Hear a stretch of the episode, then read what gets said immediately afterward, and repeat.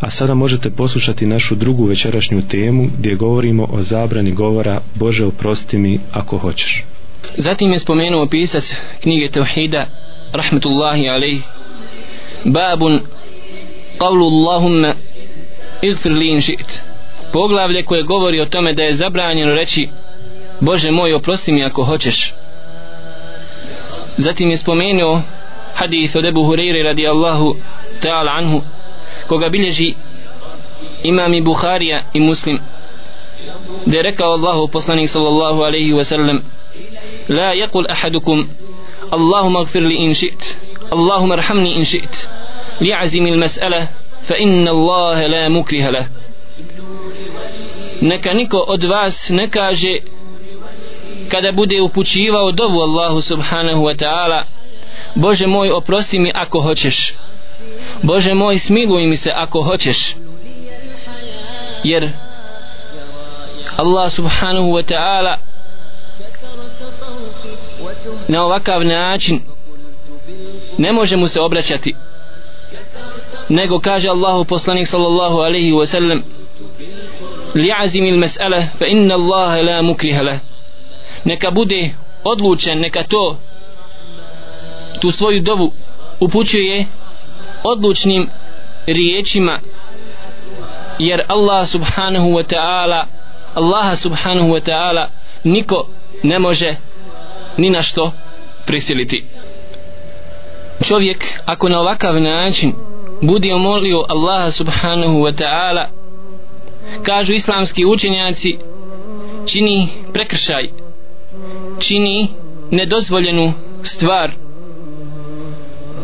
a to je kao da ovim svojim riječima on želi reći da neko ima ko može zapriječiti Allaha subhanahu wa ta'ala koji je iznad Allaha jalla še'nu pa ga može spriječiti da oprosti svome robu. S druge strane kažu islamski učenjaci ovakvim riječima čovjek izražava nezainteresovanost za svoju dovu. Kao da mu je svejedno hoće li mu Allah subhanahu wa ta'ala oprostiti ili neće. Kao da mu je svejedno hoće li mu se Allah subhanahu wa ta'ala smilovati ili neće. Jer vi znate da je rekao Allahu poslanik sallallahu alaihi wa sallam la yakbalu Allahu ad-du'a min qalbin ghafilin lahin. Allah subhanahu wa ta'ala ne prima dovu iz srca koje je nemarno koje je u gafletu koje je daleko od Allaha subhanahu wa ta'ala. Jeste dragi brate moraš biti odlučan u svojoj dobi moraš slomiti svoje srce. Što više slomiš svoje srce pred Allahom subhanahu wa ta'ala otuda će tvoja dova prije biti primljena kod Allaha subhanahu wa ta'ala. Otuda će ti se Allah žele še'nu prije smilovati. Pa kako može se vidjeti iz tvoga stanja iz tvoga hala iz tvojih riječi da si ti zainteresovan i da je tebi stalo da ti Allah subhanahu wa ta'ala oprosti tvoje grijehe i da ti se smiluje kad na ovakav jedan način govoriš i obraćaš se Allahu subhanahu wa ta'ala Bože oprosti mi ako hoćeš. Zato pogledajte šta hoće Allah subhanahu wa ta'ala od svojih robova. Hoće da čovjek iskreno iz svoga srca uputi dovu Allahu jalla ša'nu da pokaže svojim srcem svojim jezikom svojim stanjem da pogne i sagne svoju glavu i da pusti suzu prilikom dove da bi na taj način Allah subhanahu wa ta'ala vidio iskrenost u njegovom srcu vidio iskrenost u njegovom oku vidio iskrenost u njegovim riječima u njegovom stanju i na taj način primio njegovu dovu.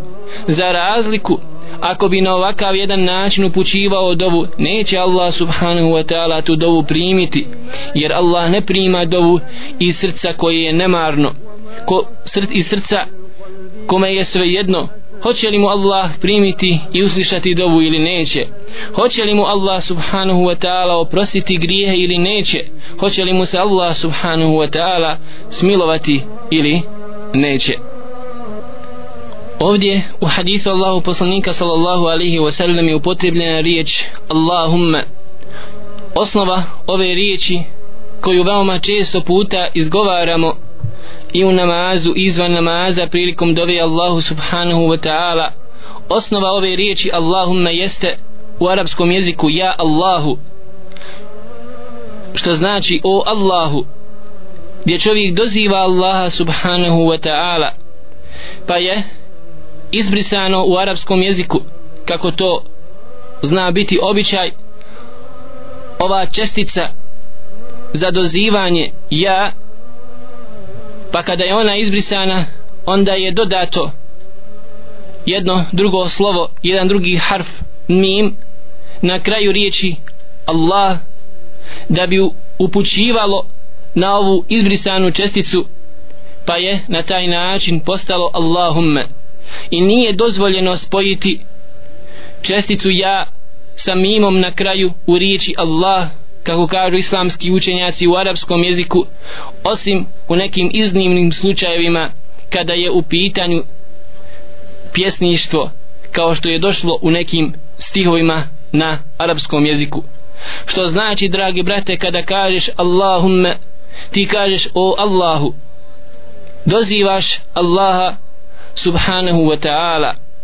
Ali to ne znači da trebaš dići svoj glas i glasno dozivati i vikati Allaha subhanahu wa ta'ala jer kaže Allahu poslanik sallallahu alaihi wa sallam kada je čuo jedne prilike ashabe da su glasno upućivali dovu Allahu subhanahu wa ta'ala irba'u ala aswatikum spustite svoje glasove jer vi ne dozivate gluhog jeste vi ne dozivate gluhog Allah subhanahu wa ta'ala sve čuje zato pogledajte šta kaže Allah subhanahu wa ta'ala ولا تجهر بصلاتك ولا تخافت بها nemoj dizati svoj glas